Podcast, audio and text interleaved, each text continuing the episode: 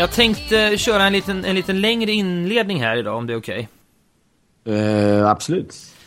Eh, 1962 på hösten så stod världen inför undergångens portar när sovjeterna och amerikanerna bråkade om missiler på Kuba och eh, de flesta människor trodde att de bara hade ett par dygn kvar att leva för det var kärnvapenkrig som stod för dörren. Stormakten höll på att, att stycka varandra i bitar med hjälp av kärnvapen och då satt i West Village i New York satt en 22-årig Bob Dylan och tänkte herregud, har jag bara en enda låt kvar att skriva kanske? Bäst att jag slänger in alla mina bra idéer i en enda låt och det blev mästerverket The Hard Rain's Gonna Fall. Vi står hösten 2010 inför en liknande situation när Nordkorea nu har börjat skicka granater över Sydkorea. Det pratas om retaliation och vips. Nästa vecka kanske vi inte har någon podcast längre för världen kanske har eskalerat i ett kärnvapenkrig. Vi tänkte därför göra vår motsvarighet till Hard Rain's Gonna Fall och slänga in alla våra bästa konversationsidéer i denna, kanske den sista podcasten någonsin om det vill sig riktigt illa. Det här är alltså vår podcasts motsvarighet till Hard Rain's Gonna Fall. Känns det okej okay, Filip?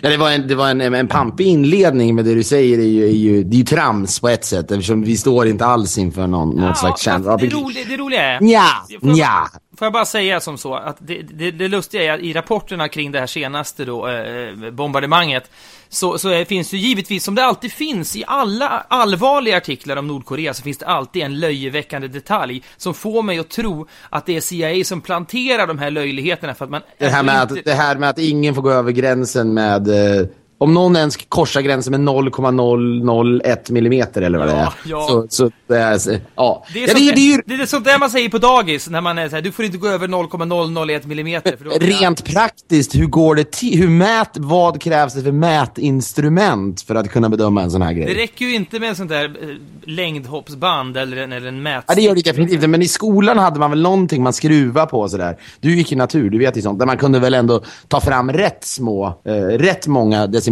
så att säga. Ja, jag, jag, jag, vill bara, det, jag tror väl heller inte att det kommer att bli någon kärnvapenkrig, men jag noterade ändå det, det absurda i, i Nordkoreas hot om 0,001 millimeters överskridande. Det är som du säger, att de, det ska alltid finnas en, en sinnessjuk komponent. Som att han gick eh, 18 hål på eh, golfbanan på 23 slag, eller vad det var. En gång i tiden, den eh, Kim Jong-Il, men nu är hans son som ska ta över. Det man dock ska tänka på här, men nu kanske du inte tror att det är så här, men när, när du snackar om Kubakrisen, förevigad för övrigt i den fantastiska filmen 13 Days med den... Får jag säga, den tillfälligt på nytt födde Kevin Costner och sen så då tänkte man yes, Kevin Costner är tillbaka i en Based on a True Story-film som handlar om Kennedy-eran och sen vips så var han borta igen. Och två år senare så turnerar han med sitt band i Borås. Men det är okej.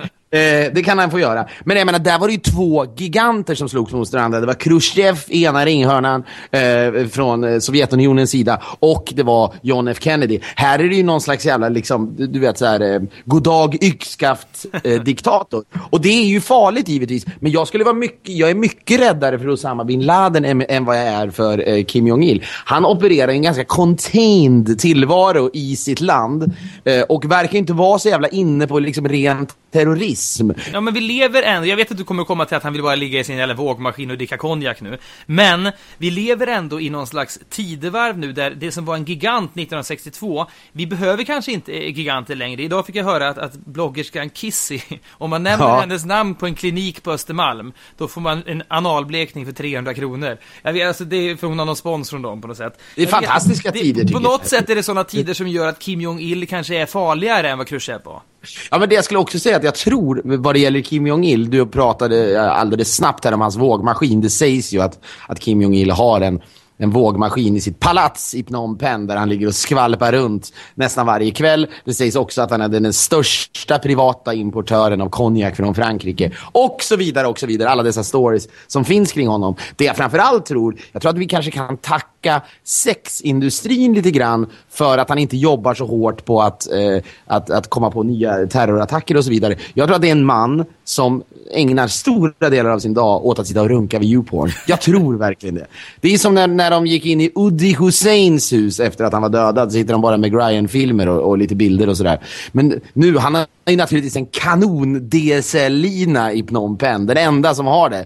Där utan övervakning. Där han då går in på YouPorn och så vidare. Jag tror att det är så så han, hans dagar egentligen eh, går för det mesta. Ditt sätt att trivialisera en av, en av jordens mest fruktade diktator, diktaturer Men har de ens kärnvapen? Vet vi att de har kärnvapen? Nej, jag, inte vet jag. Det finns väl rapporter. Jag, vet, jag är inte fullständigt säker på det. Jag var också i London nyligen på en hipp konstutställning av norda, eh, nordkoreansk arbetarkonst. Det är lite det som, det, det, det, är liksom, det är ungefär som när Fredrik Virtanen, eh, nöjesprofilen på bland annat Aftonbladet, döpte sin katt till Stalin.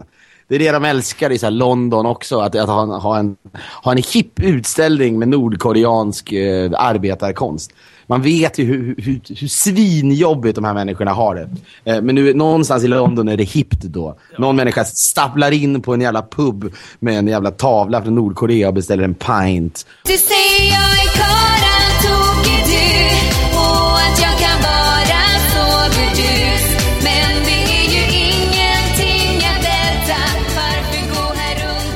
Ska vi prata lite grann om, om eh, mannen som, som i Sverige kallas Wikileaks-mannen? Han hette länge det. Nu har han blivit Julian Assange, tror jag, va? Ja, han heter väl Julian Assange. Ja, var kommer han ifrån egentligen? Nej, jag vet inte. Jag miss... Det låter ju som om det... Är han belgare? Holländare, tror Något jag sånt han är. Han Jag är, tror men han han är en slags eterisk, nästan svävande varelse som, som alltså breakade stort här då när, när Wikileaks, som är då en sajt och en organisation, de läckte massa eh, eh, dokument från, från kriget i Irak, Afghanistan, vad det nu var, till, till pressen. Senast då, dåraktigt, så, så läckte de 470 000 dokument, vilket är ju lite, lite löjligt nästan. För jag, tror, jag kan inte tänka mig, jag kan tänka mig när KG Bergström sitter på- Läser du igenom det här till på fredag, KG? Ja, exakt. Och KG pallar liksom inte att- missa någonting, så han liksom sitter där dag, dag ut och dag in. Ja, men det är ju löjligt. De borde ju redaktera sig själva och kanske läcka, inte vet jag, 2000 dokument kan jag Men säga. de gör det väl väldigt lätt för sig. Han hittar en hårddisk, han drar ut allt material och postar det på någon jävla FTP så att folk kan ta... Alltså, Wikileaks-mannen Julian Assange, han har ju inte läst alla de här dokumenten heller. Men det, det jag undrar, är han bara... Är, det är väl en grupp som är Wikileaks, va? Jo, han är han- bara någon slags posterboy för Han är, alltihopa. po- han är posterboy för Wikileaks, vilket också har fått konsekvenser. Nu är han alltså misstänkt för våldtäkt. Det har varit en serie här under hösten med, med våldtäktsmisstankar och det är givetvis allvarligt. Eh, men, men, det lustiga är att ja, ja, det, det är lätt att få för sig att det här bara är någonting CIA blir riktigt förbannade för att eh, vad fan ska den där jävla mannen, mannen läcka massa dokument för? Okej, vi skickar in, det var ju någon sovjetisk eller en rysk kvinna nyligen som knullade en massa så här oppositionspolitiker och filmade av dem och sen så, så var deras karriär över så att säga. Ja, det är ju lätt att tro att, att Julian Assange har utsatts för någonting liknande, det vet man ju inte, men att det känns som att CIA skulle kunna ha ett finger med i spelet och jag vet inte om det spelar egentligen så stor roll. Det som talar emot det här, jag vet ju inte alls om Julian Assange är skyldig till våldtäkt, men jag har så svårt att tro att CIA skulle på något sätt rigga en brud i Enköping av alla jävla ställen och säga Hello, this is the CIA. Could you please claim that Julian Assange raped you? Nej. Alltså det, för att leva upp till myten måste han ju våldta folk i världsmetropoler. Det måste ju ske i London. Alltså då hade jag börjat kunna tänka mig att det fanns en konspiration.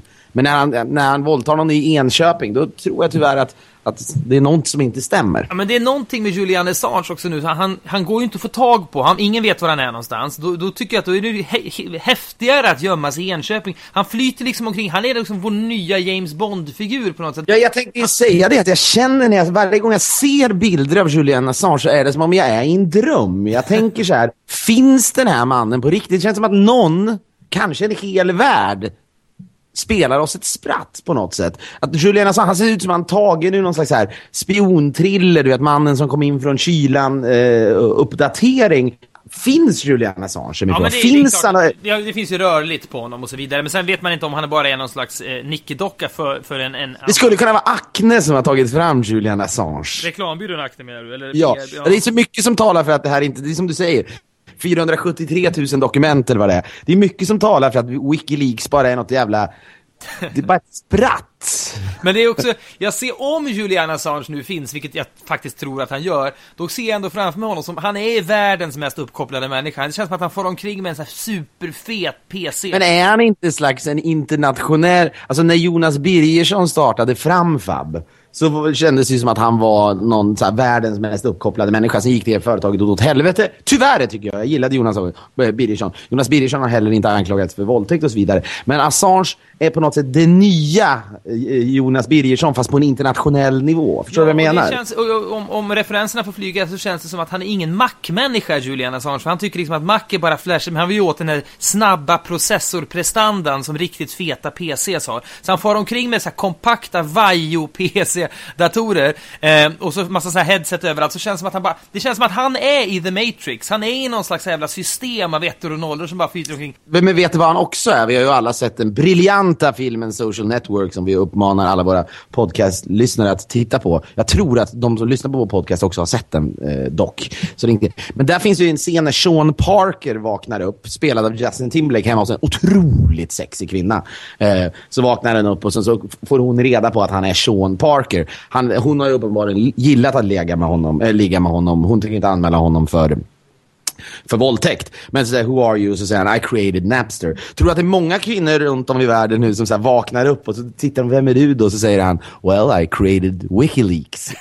Tror du att han får knulla på att vara Julian Assange? Det känns ju verkligen som det. Jag tror att det finns kotterier i världen. Det är mycket nischad, det är på samma sätt som när Broder Daniel turnerade land och rike kring i mitten på 90-talet så fanns det alltid två brudar i varje stad som ville knulla med Henrik Berggren. Jag tror att det finns på samma sätt här, två brudar i varje stad och varje land som vill knulla med Julian Assange. Någon tjej som ligger kvar i en så här fin dubbelsäng, någon tjej. Eller nej, vi byter det. En tjej i ett, eh, en studentkorridor någonstans i Oxford som ligger där. Och så ser hon hur Julian äh, Assange på morgonen går upp och in i duschen. Hon bara ser hans liksom ass när han försvinner in där i duschen efter en vild natt. Och så tänker hon, shit, jag har knullat med Wikileaks-mannen. Det är otroligt. Alltså, det, jag undrar om det, han också står i de här kvinnornas mobiltelefoner som uh, Wikileaks-mannen. The Wikileaks-man. Jag vet inte, det, det låter osagt. Men det ska sägas, det senaste, senaste förloppet här är att han nu är efterlyst i hela världen, vilket hör Det är alltid lite Wikileaks-mannen överdrivet. Det är alltid lite överdrivet. Det är inte så många som jobbar på att få tag i Wikileaks-mannen. Det är inte så många i, Kin- i Kinshasa som, som springer och letar efter honom. Nej, men visst, men det är väl i Belgien och Holland och, och, och USA och Sverige. Men, men nu är, vill han alltså, nu ska, nu ska de alltså kalla in honom till förhör, men hans advokat säger då, eh, citat, det ska hållas i minnet att Julian Assange är en mycket upptagen man med engagemang över hela världen. och det motiverar varför han inte har tid att bli förhörd. Det är också... Undrar, jag, jag tänker mig när, Julian Assange beställer en drink, då är det ju lite shaken not stirred. Förstår du vad jag menar? Men, men han är han är ju den nya James Bond verkligen. Ja, så han är snarare jag- Daniel Craig. Han säger don't, I don't give a fuck. Jag tror han. inte han, det sista jag kan tänka mig är att Julian Assange sitter med en stöl framför sig och liksom slabbar med lite med en pint. Jag tror verkligen att snarare kan tänka mig syntetiska droger kan intressera honom mer. Skulle Julian Assange kunna bli man of the year of time? För det handlar inte om att man är bra, det handlar bara om att man är man of the year. Ja, eh, det var väl faktiskt så att Hitler blev Man of the Year 1939 tror jag, eller sånt där. Så att eh, det, det är ju, ja, jag låter det inte vara osagt. Var det inte klassiskt någon gång när det inte blev en människa? Typ internet blev man of the Nej, year. det var Man of the Year senast tror jag faktiskt var You, och så pekar de mot läsaren. Det var typ en spegel på omslaget eller något sånt där, för det var ju fan, det, det, det, är ju, det är ju lika jävla slött som den här jävla Jim som bara sprang in på matcherna och satt, satt någon jävla mössa på någon. Fy fan vilket dåligt redaktionsmöte. När någon, det är en idé när någon säger ska vi, ska vi ändra det helt? Vi gör person of the year till you. Det, det där är ju bara en skrivbordsprodukt. Vilken otrolig besvikelse jag kände när jag såg det på flygplatsen. Det får mig att tänka på när reklamjätten, reklamlegendaren eh, Bosse Rönnberg skulle pitcha på att vinna SAS-kontot i reklamvärlden. Det är en Ja. lika dålig idé det, därför att eh, de, eh, SAS hade, var missnöjd med sin reklambyrå och nu är det fritt fram för vilken reklambyrå som helst att ta över kontot. Det här kanske är 15 Det här är på. SAS-Jannes tid. Det här är på va? SAS Jannes tid. Och- 80-tal. 80-tal och det är superprestigefyllt och alla vill ha det här kontot och så samlas liksom Bosse Rönnberg som är en legend och alla hans liksom medhjälpare de samlas och väntar på Bosse Rönnberg i, i SAS-lobbyn 10 minuter före utsatt mötestid. Fem minuter kvar så... Frösundavik. Okej, fem minuter kvar har Bosse Rönnberg fortfarande inte kommit och börjar ringa till honom om det ens fanns mobiltelefoner då. Hade någon Det gjorde var de. Det gjorde de inte. Ringde, okej. Men de bad kvinnan i receptionen att ringa Att honom. försöka få tag på Bosse Rönnberg på han som hade en av Sveriges tio enda mobiltelefoner. Tio minuter efter utsatt tid valsar Bosse Rönnberg in i lobbyn och hans, och hans undersåtar är väldigt oroliga. Bosse, mötet har redan börjat. Det är, ing, det är ingen fara, jag har kontroll över det här. De tar hissen upp till fjärde våningen till konferensrummet, kommer in. Där sitter SAS, Janne och styrelsen och är riktigt pist. Så öppnar de mötet med att säga Bosse för fan, ni är sena. Och då säger Bosse Rönnberg iskallt tillbaka. Ja, och det brukar ni också vara och det är det som är ert problem. Hans, hans hela pitch går alltså ut på att SAS är för dåliga på att hålla tiderna, det är för mycket förseningar och det ska han ta fasta på. Och han har alltså illustrerat detta genom att medvetet komma för sent till mötet. Och han tänker att det här kommer bli en briljant gimmick. Men SAS-Janne reser sig bara upp och säger Jag förstår grejen Bosse, men nej, det duger inte. Så går han ut därifrån. Där fanns det ju en naturlig gatekeeper i form av SAS som kunde säga nej. Eh, Janne Karlsson gillade inte idén och där dog den. Eh, I, fallet Time och Person of the Year så fanns det liksom inte en sista instans av gatekeeper som kunde som kunde döda idén när chefredaktören väl hade sagt go för det. Problemet är att det fanns ingen gatekeeper, för- men Bosse Rönnberg fick ju heller inte kontot, så det var ju en personlig katastrof för honom givetvis. Ah, det har gått bra för Bosse. Han fick nog många andra konton ska jag säga till det. Du säger jag är karlan tokig du och att jag kan vara så burdus Men det är ju ingenting att älta Varför gå här runt och vara Du, jag ska ge dig en liten inblick i mitt liv eh, här eh, från den senaste veckan. Jag fick ett mail eh, i lördags tror jag. Eh, där det står så här. Hej Filip! Hoppas allt är fint med dig. Happy Socks, eller Happy Socks, nej Happy Socks.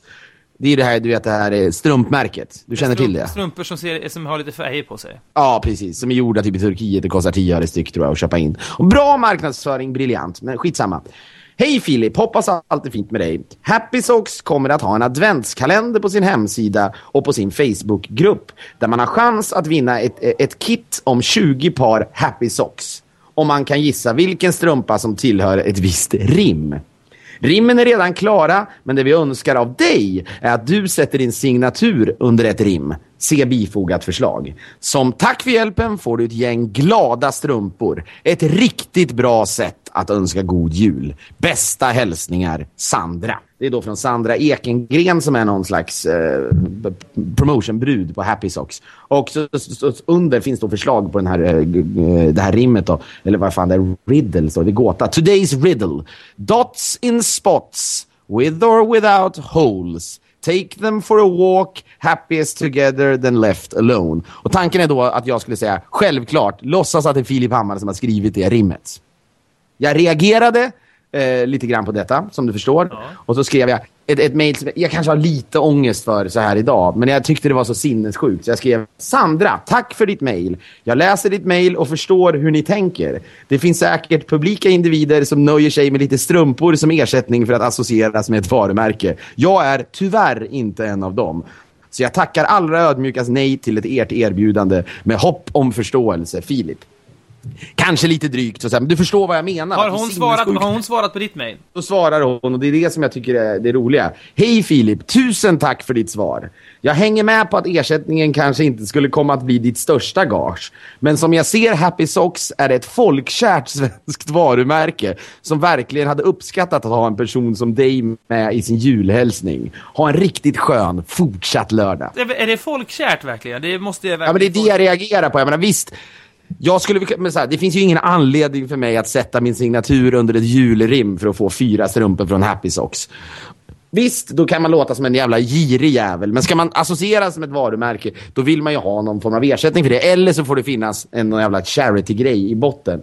Men här vill hon alltid att jag ska göra det. Och sen svarar hon då att Happy Socks är ett folkkärt, svensk, folkkärt svenskt varumärke. Jag menar, Ahlgrens bilar är väl ett folkkärt svenskt varumärke? Eller Mariekex eller någonting. Det som möjligtvis har varit ett, ett folkkärt svenskt varumärke som har exploderat på mycket kort tid är ju de här crocsen som i Sverige kallas för foppatofflorna och som säkert väldigt många svenskar tror även internationellt heter Foppa Slippers. Men det är väl ett internationellt varumärke som hör, hörde av sig på ett liknande sätt till Peter Forsberg och sa vill du vara ansiktet ute för de här plastiga tofflorna? Och han var framsynt nog att säga ja tack. Det var en av hennes bästa investeringar tror jag. Den ju- hockeybaren. Nu, ja, men nu har ju de här sämre. nu har de ändå de här foppatofflorna gått helt åt helvete. Jag förstår inte hur det har gått till. De är superkonstiga. Men därför att de är så, jag tror att de är så superkopierade. Jag tror att det är det som är problemet.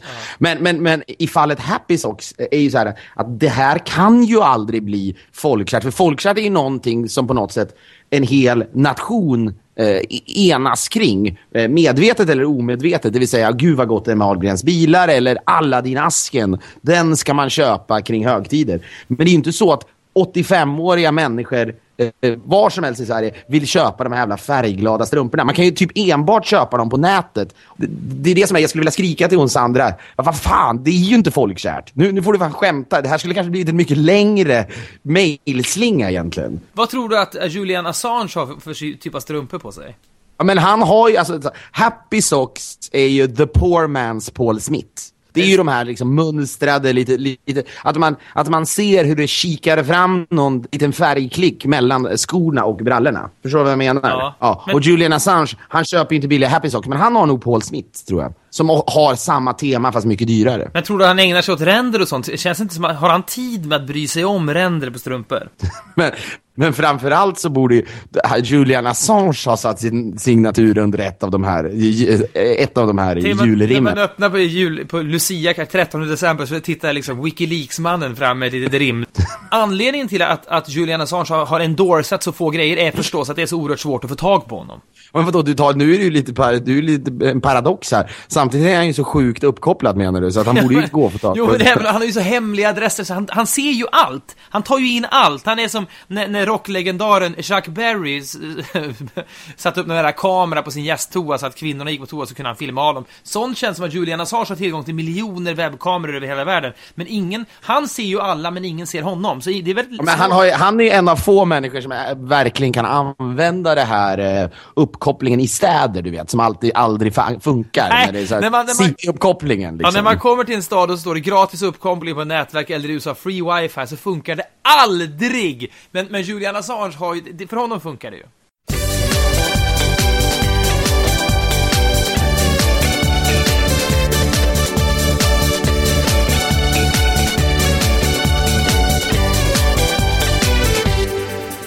Oskar, Kalle, Sven, det är några grabbar jag känner.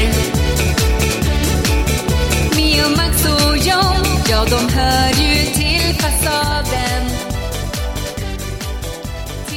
Det händer saker på lokaltidningsnivå. Eh, alla kommer väl ihåg Allan Fogman från eh, förra förrförra podcasten som gick alltså in i en glasdörr. Eh, nu har han fått en slags själsfrände. En missnöjd man i Bräcke utanför Östersund, Kalle Dahlman, som bor på ett trygghetsboende. Jag tror det heter trygghetsboende, alltså äldre människor som inte riktigt vågar bo själva. Så, så samlas de ihop i lägenhetskomplex och här så var han ute med sin hund för ett par dagar sedan och fastnade då i, i en hiss. Och jag tyckte vi ska prata lite grann med honom.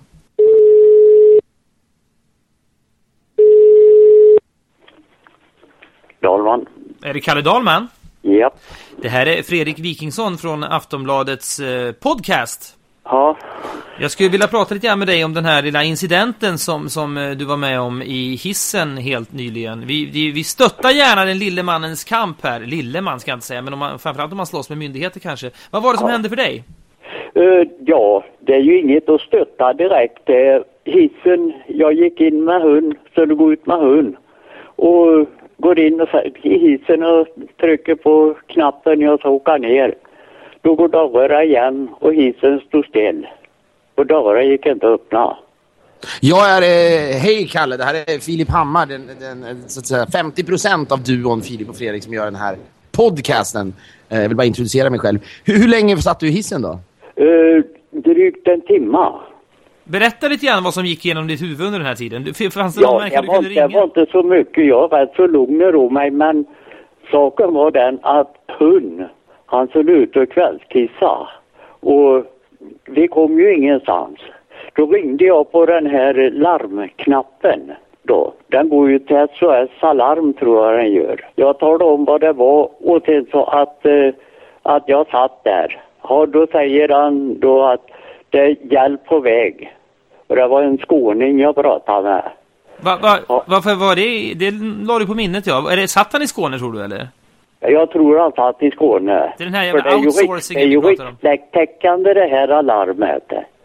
Och Kan det också satt- vara så, Kalle, Kalle?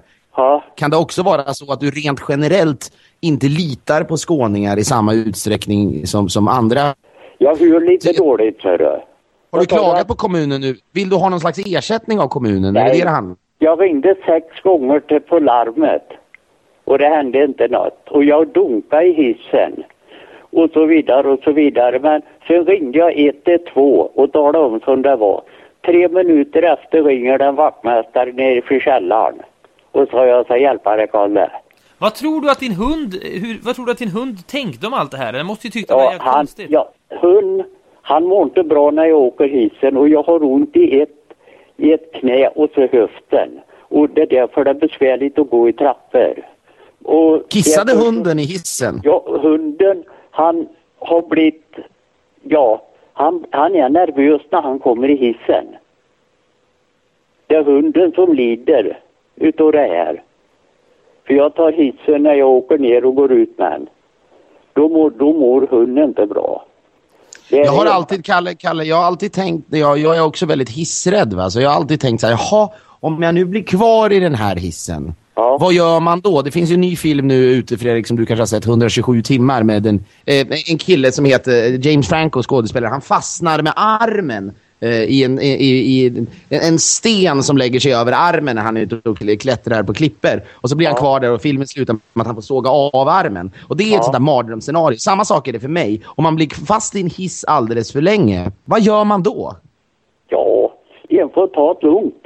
Jo, men efter ett par dagar så kommer ju kroppen skrika efter näring ja, på något det, sätt. det, gör, det gör han ju. Det gör han ju. Det, men jag, jag är så gammal så jag är inte rädd för något egentligen. Nej, det var ju klassiskt. Va? Det var ju klassiskt under 80-talets, eh, kanske Fredrik kommer ihåg de här eh, eh, det, svältkatastroferna i Etiopien. Då var det ju många skämt om att, att det stod på knapparna i, i Etiopien så stod det obs gnage i på knapparna. Ja. Eh, och det, det föranleder ju frågan, skulle man, eh, finns det någonting i hissen man kan äta? Alltså g- rent teoretiskt, kan man bryta av någonting och käka? Nej, det går ju inte.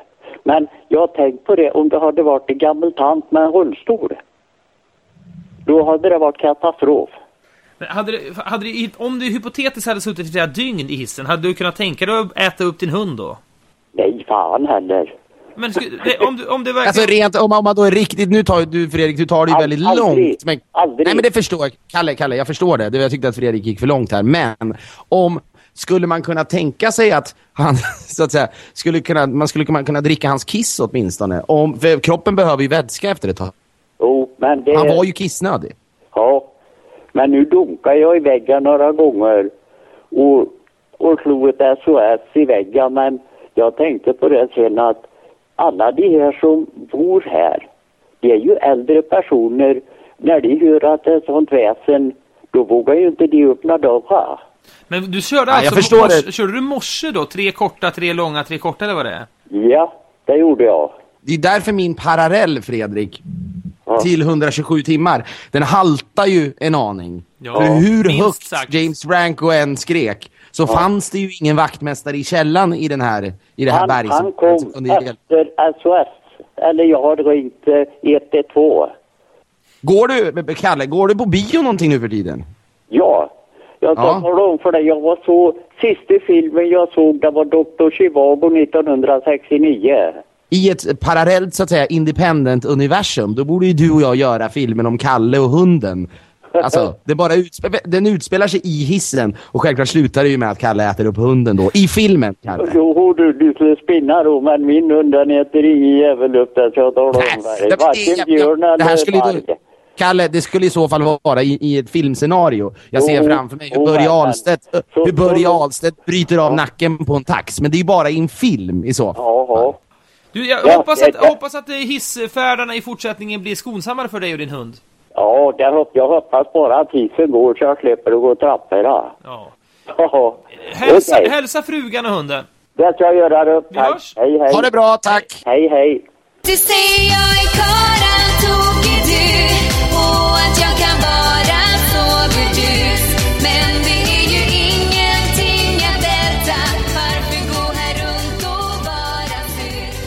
När jag var hemma senast så såg jag en reklamfilm med det legendariska hårdrocksbandet Kiss. Eh, jag tror att de eh, på något sätt promotar Svenska Spel. Det är de inte, sitter ha, inte. Happy Socks då? Nej, det är, det är inte här. Jag tror att Happy, Happy Socks har inte riktigt råd med Kiss. För det är det, alltså, det är det man tänker på när man ser den här filmen är ju att en- en vanlig klassisk kvällstidningsrubrik är ju hit går dina skattepengar och så vidare. Det känner du till. Ja. Man undrar ju då i, i en anda av detta, när, när det ska illustrera eh, och när andra saker ska illustreras av hur mycket folk tjänar så gillar man att säga det här motsvarar 500 sjuksköterskelöner, årslöner och så vidare. Jag undrar, hur många sjuksköterskelöner kostade det att anlita Kiss för den här reklamfilmen? Vad gör de med den här? Jag har inte sett den, vad gör de? Men de sitter i någon jävla bil, jag kommer inte ihåg vad det är, men jag har förstått när jag har läst på om det här att eh, det är en film som ska sälja drömmen om den stora vinsten. Att man inte bara köper du vet, en bil och en lägenhet, utan när man vinner riktigt mycket pengar, då kan man till och med ringa in Kiss. Kiss. Det låter kul Och då snackar de om så här, vi vill inspirera till stora drömmar, säger Birgitta Bosell Biström, varumärkeschef på Lotto. Eh, så säger han, inget ont om det, men vinner man drömvinsten på 121 miljoner kronor, som de här kvinnorna gjorde då, nyligen, har man råd att drömma lite högre. Som då det är roliga med det här är, tror du att de, Birgitta Bosell Biström, tror du att de här fyra kvinnorna som vann 120 miljoner nyligen, tror du att de skulle vilja hyra in Kiss? Vilken besvikelse Om- för Gene- Simmons när We got this great gig. Four ladies in, in, in Sweden just won a lot, of a lot of money and they want you to come. Så tänker Gene Simmons, nu ska jag åka och knulla eh, och slå två flugor i en smäll. De här kvinnorna är ju inte precis vad han drömmer om. Det skulle ju behövas en Wikileaks-man alla Julian Assange för att få reda på hur mycket Svenska Spel har besta- betalt för det här. Men jag tror att en och annan svensk medborgare skulle ju hicka till när de förstod vad, vad pengarna går till. För fan, reser sig Gene Simmons ur soffan för under 5 miljoner dollar? Bara han undrar jag. Ja, nu överskattar du Gene Simmons. Det, alltså, så, här, så stor är han inte längre. Han, arenor och sånt fyller han, men det är på gammal rutin. Men vad, på sådana här liksom, eh, reklamfilmskonton, det tror jag att du får, jag gissar att du får Gene Simmons för 2 miljoner kronor. Nej, men är du dum i hela jävla huvudet? Två miljoner dollar. Den där reklamfilmen kostade Svenska Spel minst 50 miljoner tror jag. Nej, jag tror att så här, de var i Sverige och spelade och, och under Nej, det var de inte alls. Den här spelades in. De fångade dem på väg till en arena i New Jersey har jag fått tagit exakt. Så reda att det är så här, Gene, this is gonna be during a transport. You have to do absolutely nothing. You're gonna get 350,000 bucks. Sure, säger han. Han är snål, han är supergirig. Jag tycker att det är kul att Svenska Spel gör det här. Jag tycker att det är en... Jag förstår konceptet, man kan göra mer. Vinner man riktigt mycket pengar så kan man eh, uppfylla fler drömmar än, än drömmen om hus och drömresan och så vidare. Men jag tycker att Kiss är lite fel... Det är ett fel sätt att illustrera det här på. Håller du med om Vad det? skulle du föredragit? Du Men får, inte inte, du, får inte jag, säga, jag- du får inte säga Julian Assange längre. Det är frestande att säga att han ska komma och, och vara kändisbartender på en, på en här, konfirmationsfest eller något. Det är väl en massa människor där ute som drömmer om kanske en privat fotbollslektion av Zlatan Ibrahimovic eller någonting. Jag tror det är väldigt få som drömmer om att sitta i en taxi med Kiss. Zlatan sa ju för övrigt, han har ju börjat jaga nu, det läste du säkert, han tar ju jaktlicens och då så intervjuade de honom i tidningen Svensk Jakt och frågade honom om älgjakten och den kom ju lite olyckligt för den krockade ju med fotbollssäsongen. Men då har han sagt att de kan väl flytta, de kan väl flytta älgjakten för min skull så länge till han, till han lägger av med fotbollen. Fantastiskt Zlatan-citat. Ska det vara någon slags avslutning på dagens podcast kanske?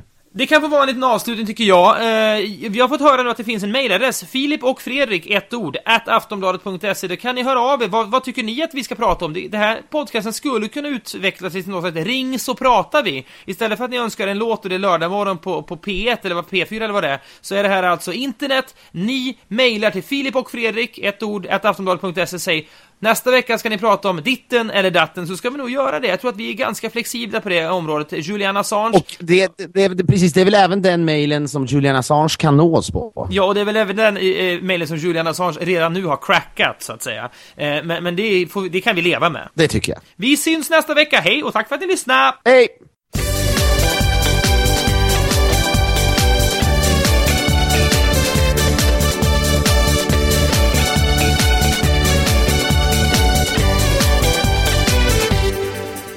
notes